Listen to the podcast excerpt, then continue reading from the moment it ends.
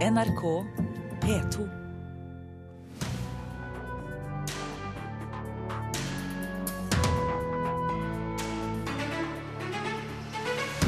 Kjente komikere hardt ut mot sin tidligere skole. Westerdals må betale tilbake det de skylder oss, sier Sigrid Bonde Tusvik.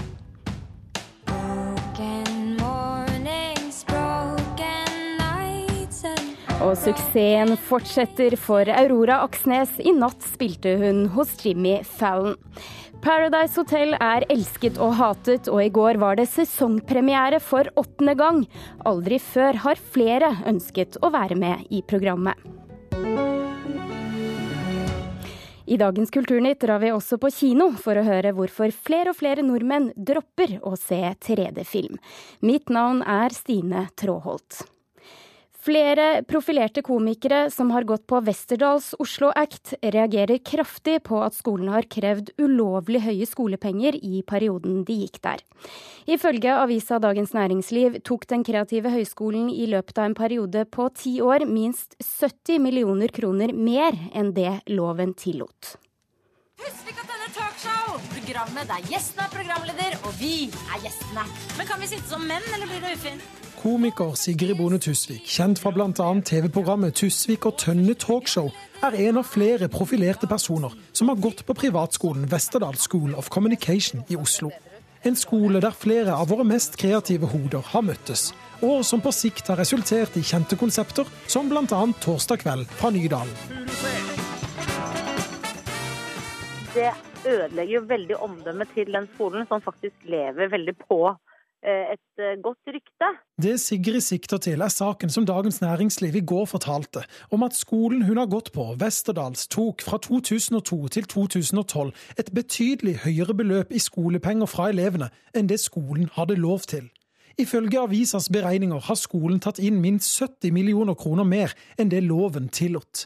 Ett av årene har elevene i gjennomsnitt betalt 56 600 kroner hver i skolepenger, over dobbelt så mye som var tillatt. Jeg regner jo med at de eh, skal betale tilbake.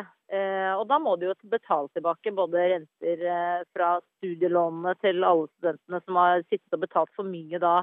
Og, vi, opp gjennom åra i ti år på å forhøye studielån også. Heia, men det var gildt at dere har kommet. Vi er klar for en ny utgave av Så du tror du er Kjell Elvis. Veldig overraskende og veldig, veldig dumt. Det sier Magnus Devold, han høye sidekicken fra i kveld med Ylvis Live, som også gikk på skolen i det aktuelle tidsrommet. Vi syns det var mye penger, og jeg vet at det var flere studenter som prøvde å få innsyn i budsjettene og sånn, som ikke fikk det. Han mener også at skolen bør betale tilbake alle pengene.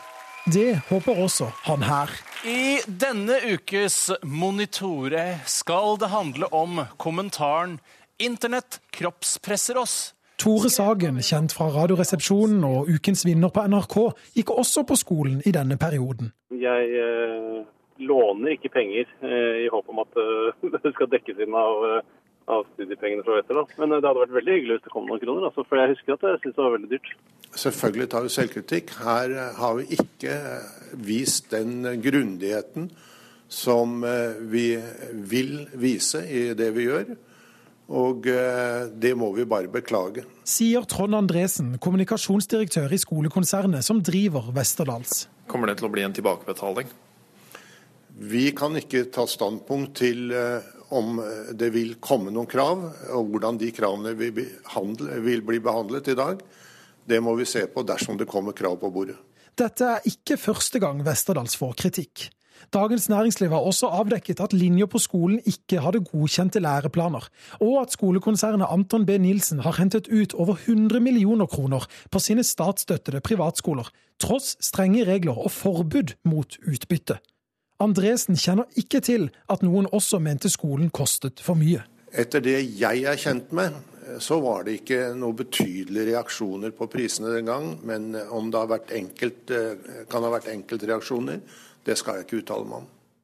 Reportere Christian Ingebretsen og Oskur Tøffan. Kunnskapsminister Torbjørn Røe Isaksen innrømmer at tilsynet med privatskoler som Westerdals har vært dårlig. Til Politisk kvarter sa kunnskapsministeren at han vil stramme inn på regelverket. Her ser vi altså flere saker som strekker seg mange år tilbake i tid, hvor det offentlige tilsynssystemet ikke har klart å fange dem opp. Og så er jo Utgangspunktet her er jo at disse skolene ikke har rett til å Ikke bare utgangspunktet, lovverket er at disse skolene ikke har rett til å ta ut utbytte.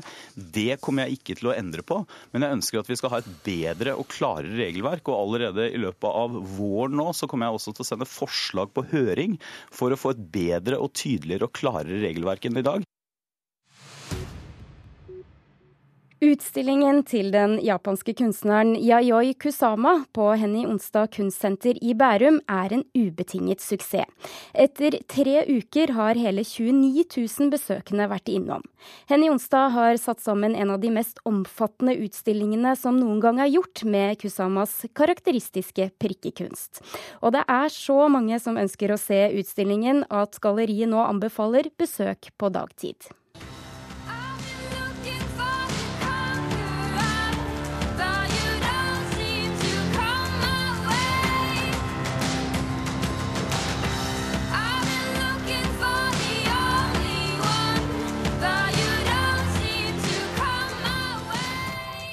Aurora Aksnes spilte på The Tonight Show med Jimmy Fallon i natt. Uka etter at hun ga ut sitt første album, til strålende kritikker, er hun i USA. Ikke bare for TV-showet, men også for å spille på bransjefestivalen South by Southwest i Texas. Og vi snakket med artisten noen få timer før hun besøkte det amerikanske talkshowet. Jeg er veldig nervøs. Altså, jeg er veldig spent. Eh, jeg tror det er noe av det største vi har gjort. Helt nå. av det første gangen vi opptrer i USA eh, på TV. Um, Noen timer før innspilling av The Tonight Show starring Jimmy Fallon med millioner seere hver kveld, er Aurora Aksnes backstage og tar seg tid til å prate med NRK. Er dette bedre? Ja, jeg tror det. Da legger jeg den oppå dette brannslukkingsapparatet. Og selv om det trådløse nettverket er litt ustabilt til et intervju over Skype fra Rockefeller-bygninga i New York, har hun kontroll på hva som skal skje på scenen. Så jeg har snakket med alle og fått, fått eh, Jeg er sikker på at jeg får fargene jeg vil ha, for jeg liker ikke rød og rosa. Så, har, for, så det er eh, ikke Jeg vet at de fargene ikke kommer til å være på scenen, og det er ganske beroligende. Og så har vi funnet ut at jeg skal eh, ikke ha på sko, og så skal jeg få lov til å danse litt bortover gulvet. Og jeg må hoppe ned fra scenen. Eh, så det blir kjekt. Artisten med kometkarrieren kom med debutalbumet 'All My Demons Greeting Me As A Friend' forrige uke.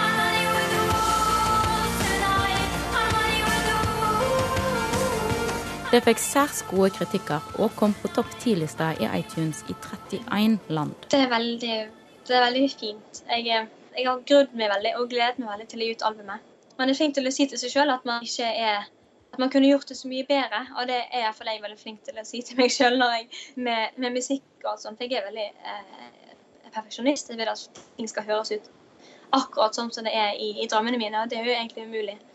Så det rører meg veldig at folk ser eh, fine ting i, i albumet mitt. Etter å ha spilt for Jimmy Fallon skal hun rett til den enorme bransjefestivalen South by Southwest i Texas for å holde konsert torsdag og i april skal hun tilbake til USA på turné. Nå håper hun TV-showet kan hjelpe på billettsalet.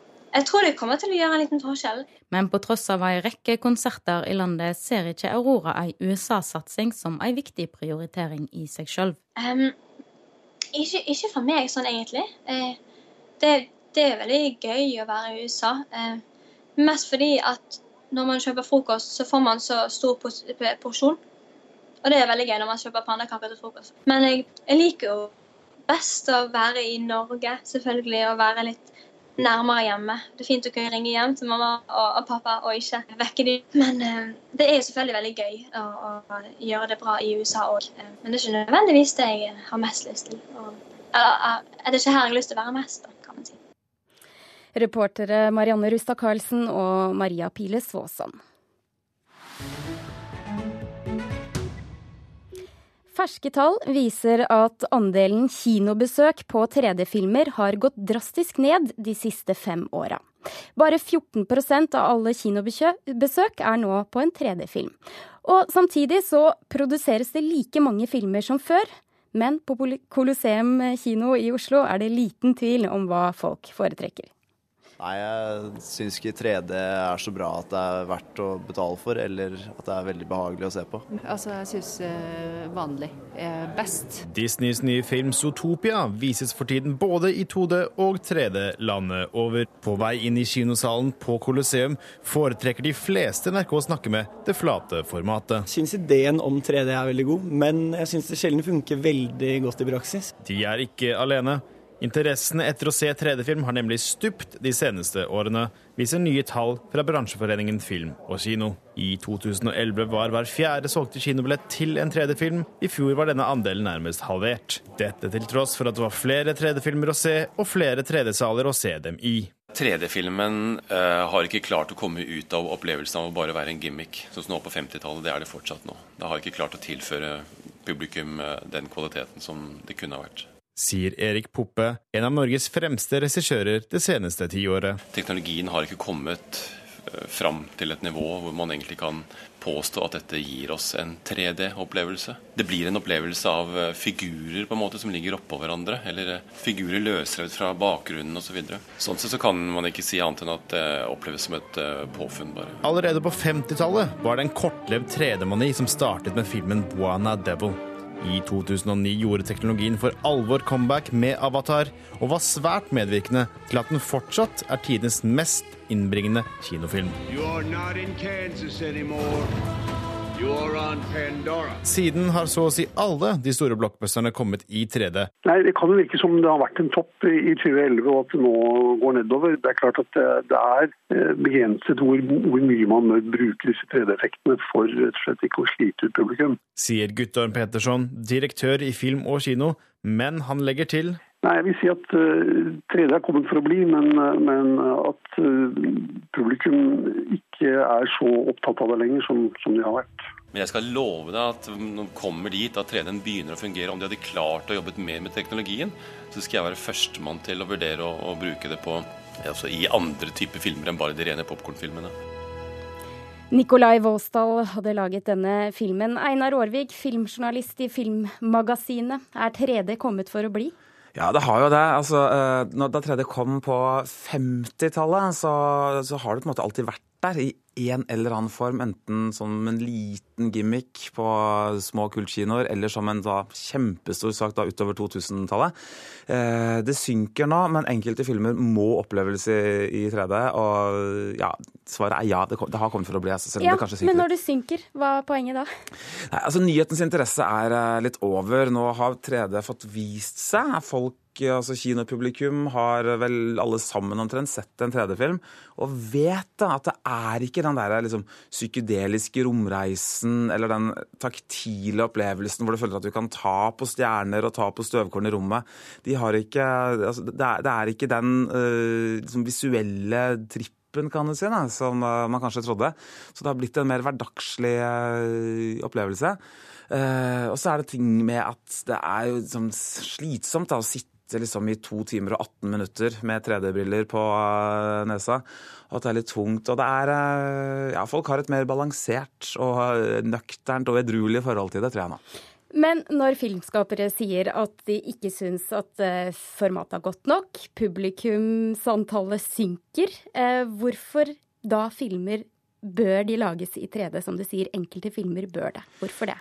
Ja, altså Selv det synker. altså Vår egen Kon-Tiki begynte de faktisk å lage i 3D. Da tenkte man at ok, dette er en popkornfilm av det formatet her, da må det liksom være i 3D. Man tenkte at alle filmer som, som skulle nå både 13-åringen og bestemoren hans, måtte være i 3D-dimensjoner. Eh, nå er det heldigvis ikke sånn. Man lager ting eh, som forholdsvis store filmer i 3D allikevel. Men popkornfilmen, den er virkelig store altså Den actionfilmen som går mot den mannlige 19-åringen, liksom, eh, med eh, tidsreiser og laserpistoler og sånne ting, den må liksom være i 3D. Det, det har ikke Altså, akkurat der er studioene litt sånn konservative og tenker at uh, det er en del av helhetsopplevelsene. Selv om jo mange velger å se nettopp de filmene også i 2D. Ja eller nei, tror du denne trenden vil snu? Jeg tror det vil stabilisere seg. Jeg tror det vil synke ganske kraftig. Og så vil cirka kanskje ja, den, Det vil alltid være en sånn 10 da, minst av filmene som vil være i 3D. Einar Årvik, takk for at du kom til Kulturnytt. Du hører på Kulturnytt, og klokka er snart ti på halv ni. Her er nyhetsoverskriftene denne morgenen. Breiviks brev til meningsfeller kan oppfordre til vold, og det er viktig at de blir kontrollert, mener forsker. I dag starter rettssaken mellom Breivik og staten. Kreft kan trolig behandles som en kronisk sykdom om noen år. Nye dataløsninger kan bidra til at pasienter kan leve uten å få dødsdommen, mener forskere. Og da skal vi snakke om eh, Paradise eh, Hotel. Elsket og hatet eh, av mange, og sesongpremiere i går for åttende gang. Før deltakerne kom på skjermen, så har det vært en møysommelig prosess med å plukke inn de riktige kandidatene. I år så var det søkerekord. Hele 5000 ønsket å være med i programmet. Og slik hørtes det ut da P3-dokumentaren var flue på veggen under utvelgelsen. Jeg håper det er noen digge gutter. Hooke litt rundt, ha det lættis. Gjøre ting du husker og kan sitte bakpå når du sitter på eldrehjem og bare Jeg kysser med jenta, Jeg kommer til å kysse med jenter som er der, jeg kommer til å kysse med guttene som er der. Og det, for meg betyr det ingenting med et kyss når det kommer til sånn. Du var sammen med kjæresten din, og så hadde du 15 stykker på siden. Ja, om ikke det var flere. Gud. Så det at jeg skal klare å ta det spillet her, det tror jeg skal gå veldig fint. Ja, det tror jeg også. Det er helt naturlig. Foreldrene dine, vet de at du har meldt deg på? Eller jeg liksom lufta det for mamma sånn sånn Ja, hvis tenk om jeg hadde vært med på Paradise Og hun bare Å, herregud, Synnøve, aldri gjør det. Da blir jeg så flau. Og jeg bare «Hæ, Ja, OK. Nei, skal ikke gjøre det, da. I tolv uker har gjester sikt inn og ut av Paradise Hotel. Jeg var fast bestemt på at jeg skulle aldri få følelser for noen. Jeg skulle i hvert fall aldri ha sex på TV. Men eh, alt har skjedd som ikke skulle skje. Vebjørn Espeland, du har laget dokumentaren 'Drømmen om Paradise' for P3. Mm, Hvem var det du møtte da du fulgte castingprosessen? Ja, det var et lite knippe med mennesker, det.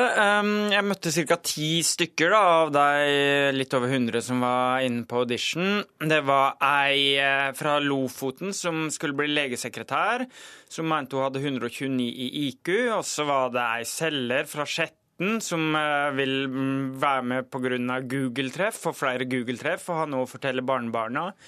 Så var det en snekker og kjekkas fra Sørlandet. Det var en som ville bli radioprater fra Gjøvik. som var veldig fin geografisk spredning. Og så var det en viss yrkesmessig spredning. Ja, og og hvordan vil disse menneskene fremstå? Er de veldig bevisste på det? Hvordan de vil fremstå på TV, og hva de er med på? Er de klar over Det, det varierte jo veldig, føler jeg. Per det- Paradise har vel kanskje fått litt kritikk i det siste for det at de har hatt litt for mye sjølbevisste folk med.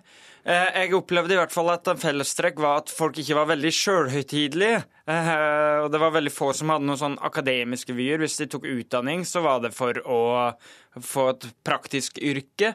Eh, Veldig mye tatoveringer. Alle damene hadde minst én tatovering, kanskje flere. Men de fleste hadde vel kanskje et mål med deltakinga, i hvert fall halvparten av de jeg prata med. Medieforsker Gry Cecilie Rustad, det er ofte lett å tenke at eh, en deltakelse i et slikt eh, program kan eh, ødelegge for karrieren din videre, og at folk ikke helt vet hva de er med på. Men slik er det ikke lenger, for denne kritikken har stilnet. Hvorfor det? Det man ser er jo, for det første er jo dette De som er med nå, er jo deltakere som var små og sett på Paradise selv siden de var små. Eh, Så de er jo veldig klar over hva de går inn i, og det ser man også hvordan de oppfører seg i programmet og bruker programmet for å selge seg selv og sin egen person. Eh, Og for det andre så ser man jo at det har gått veldig greit, stort sett, med de som har vært eh, tidligere deltakere. Altså når man leser intervjuer med de og sånn, de har stort sett helt vanlig liv. Og så er det jo noen som har blitt faktisk kjendiser, da. Som da vi snakket om nå at eh, de ønsket eh, mange av de som vil være med. Ja, Vebjørn, Var det en redsel blant deltakerne for at det ville ødelegge for fremtida deres? Absolutt ikke. Eh, men jeg har fått e-poster i ettertid fra, fra, folk som har vært med i tidligere reality, som mener at det har ødelagt livet deres. Uh, som gjerne vil at jeg skal lage den dokumentaren også. Mm. Men det er jo sjølsagt enkelttilfeller, da. Men de som var med nå, var med fordi de Ca. halvparten ville vise seg fram. Eh, Panoptisk samfunn, alle skal bli sett hele tida. Men uh, veldig mange av de ville også da bli sånn type Instagram-kjendiser, blogg-kjendiser. De har en motivasjon om at i vårt samfunn så er jo Facebook-likes eh, rubler og Instagram-følgere eh, dollars. Har du veldig mange Instagram-følgere som du får etter en sånn deltakelse, så kan du begynne å få spons, og da kan du begynne å tjene penger uten å jobbe. Og hva tror de at de kan ødelegge, hva kan ødelegge livet deres? Eh, nei, akkurat der jeg pratet med, hadde ikke så mye tanker rundt det. Selvfølgelig litt flaut at mamma skal få se at du har sex på TV, men bortsett fra det så tenkte jeg ikke så mye lenger enn det, tror jeg. Det er ikke så lenge siden reality-bølgen ble spådd død, men det er den åpenbart ikke. Hvorfor ikke, Cecilie, eh, Gry Cecilie? Uh, altså, det man ser er jo at um en del av disse programmene uh, lever veldig fint ved siden av alle de andre programmene, spesielt av fiksjonen, da, som det er ekstremt mye av nå. Fordi det rett og slett er plass. Altså, når man ser på alle de nisjekanalene man har på kabelpakka eller alle de strømmetjenestene og sånn, så sier det jo seg selv at kanalene har ekstremt mye tid å fylle. Og disse programmene, eh, reality-programmene, ser man jo uh, blir veldig populære. Altså det er sånn som Paradise Hotel, du har Jakten på kjærligheten, Idol. Altså de trekker veldig mye mennesker og seere hver eneste uke. Var det noe som overraska deg, Vebjørn, da du jobba med denne dokumentaren? Uh, ja, kanskje, kanskje, ikke sånn eh, av folka som Det er jo overraskende at 5000 eh, unge vil være med på et TV-program der du mer eller mindre må være naken, syns jeg. Eh, at det var såpass høye eh, søkertall. Men eh, akkurat sjølve gjengen som var der, var vel kanskje litt forventa. Sjølsagt overraskende at det var så veldig mye tatoveringer. Uh, ja, altså det Som sagt, de er jo en generasjon som har vokst opp med, uh, med programmet. Så, eh, men det jeg tenkte på i stad, altså det som også har skjedd, er jo publikum har blitt mer medievante. Og jeg tror spesielt Paradise Hotel-publikummet er veldig medievante og skjønner det spillet som foregår, og at deltakerne er ikke, kanskje ikke seg selv, men opptre mer som sånn mediepersoner som de ønsker at skal Som passer til Instagram-profilen deres. Det aller mest eh, overraskende der var jo eh, lyttertall, nei, seertall fra i fjor der det var flere over 50 år som så på, enn under 20 år. Det syns jeg er aller mest overraskende. Tusen takk, Vebjørn Espeland og Gry Cecilie Rustad. Da skal vi hoppe til Sverige og den svenske journalisten og kritikeren Carolina Ramqvist. Hun ble allmenn kjent da hun publiserte et klagebrev uh, som hun fikk på en av hennes anmeldelser. Uh, og det klagebrevet var skrevet av Ulf Lindell. Uh, Ramqvist mente det var sexistisk, og publiserte det i antologien Fittstim. Nå, etter det, har hun skrevet flere romaner og vunnet Per Olav Enquist-prisen. Boka heter Den hvite byen og er ute på norsk. Litteraturkritiker Anne Katrine Strømme, hva slags bok er dette? Er, eh, Den kalles en frittstående oppfølger til den forrige romanen hennes, 'Kjæresten'. Eh, og jeg tenker at den kan leses som en roman for seg, selv om den da har en handling som, som eh, føres videre fra forrige bok. Det handler om Karin, en ung kvinne som går rundt i et stort, tomt hus, en stor, flott villa. Subber rundt i en slåbrok, har et lite barn som hun nesten ikke tar vare på, som sitter halvnaken på gulvet og leker med en mobiltelefonkontakt kontakt. Og vi skjønner at her er det noe som ikke stemmer. Hvem er denne unge kvinnen? Eh, hun har blitt finansiert, eh, huset er blitt finansiert av hennes kriminelle kjæreste, som nå er drept sannsynligvis. Han er i hvert fall borte. Og her sitter hun uten venner, uten penger. En dag står namsmannen på døren og skal kaste henne ut av dette huset. Er du sint på henne? Det er egentlig ikke det. Altså, man blir litt provosert av å, å, se en kvinne som har hatt alt oppi hendene, som har latt seg underholde av en mann. Altså Sverige, det mest feministiske landet i verden, kanskje. Hvor nettopp man vil være Altså kvinner skal være selvstendige, skal ha en utdannelse, skal ha en jobb. Eh, så hun er en, en kvinne som man ikke i første omgang syns så veldig synd på, nei. Hvis vi hopper litt ut av historien og snakker litt om forfatteren, eh, hva slags stemme har Ramqvist i Sverige i dag? Eh, avisen Ekspressen skrev da hun kom med denne boken at, eh, de, at, hun er en av Sveriges mest interessante forfattere akkurat nå. Hun er jo sånn ca. 40 nå, så hun er ikke av de aller yngste på barrikadene lenger. Hun har lang erfaring både som essayist, novellist, som sjefredaktør for et tidsskrift. Så hun har veldig mange plattformer å arbeide på, og det gjør også at hennes feministiske prosjekt får eh, en tyngde. Og eh, Den hvite byen, syns du det er en god roman, du?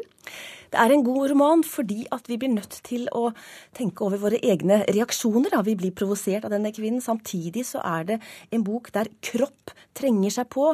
Hun er en ung mor. Det er eh, mye beskrivelser av amming, av melkespreng, av bæsjebleier. Eh, og det er en erfaring som veldig mange faktisk har, men som det er sjelden vi ser noe beskrevet i, i samtidslitteraturen. Tusen takk, litteraturkritiker eh, Anne Katrine Straume. Og det Kulturnytt det nærmer seg slutten. I dagens sending så har du hørt at kjente komikere går hardt ut mot sin tidligere skole. Westerdals må tilbakebetale det de skylder oss, sier Sigrid Bonde Tusvik. Og suksessen fortsetter for eh, Aurora Aksnes. I natt så spilte hun hos Jimmy Fallon. Og i Dagens Kulturnytt har du også hørt at nordmenn dropper å se 3D-film. Det blir flere kulturnyheter eh, utover eh, ettermiddagen, og du kan også få de på nrk.no. Eh, produsent for sendingen var Lisa Stokke. Jeg heter Stine Traalt, og nå fortsetter Nyhetsmorgen.